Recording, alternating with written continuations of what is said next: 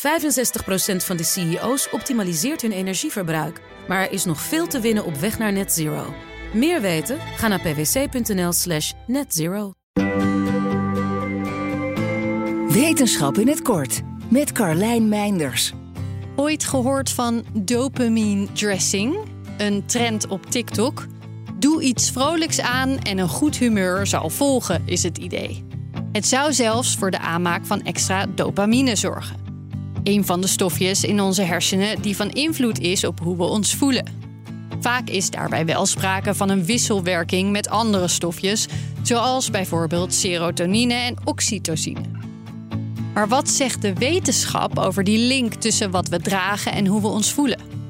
Uit één studie bleek dat mensen op foto's met een zwart t-shirt aan als aantrekkelijker werden gezien dan mensen met t-shirts aan in de overige kleuren.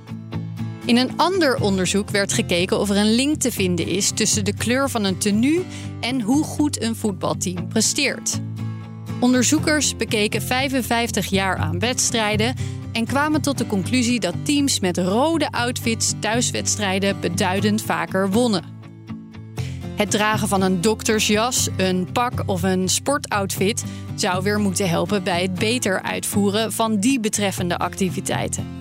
Al was er ook weer een onderzoek waaruit bleek dat studenten weer beter presteren tijdens examens als ze hele comfortabele kleren aan hebben. Maar nu wijken we een beetje af van de kleuren. Is er al eens onderzocht of dopamine dressing werkt? Voor zover ik weet niet. En dat zal ook best lastig worden, want hoe iedereen een kleur ziet, staat niet vast.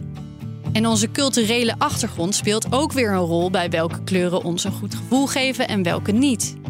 Maar aan de andere kant, als jij je er beter door voelt, lekker doen. Wil je elke dag een wetenschapsnieuwtje? Abonneer je dan op Wetenschap vandaag. Luister Wetenschap vandaag terug in al je favoriete podcast-apps.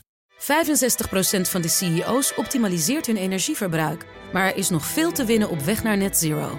Meer weten? Ga naar pwc.nl slash netzero.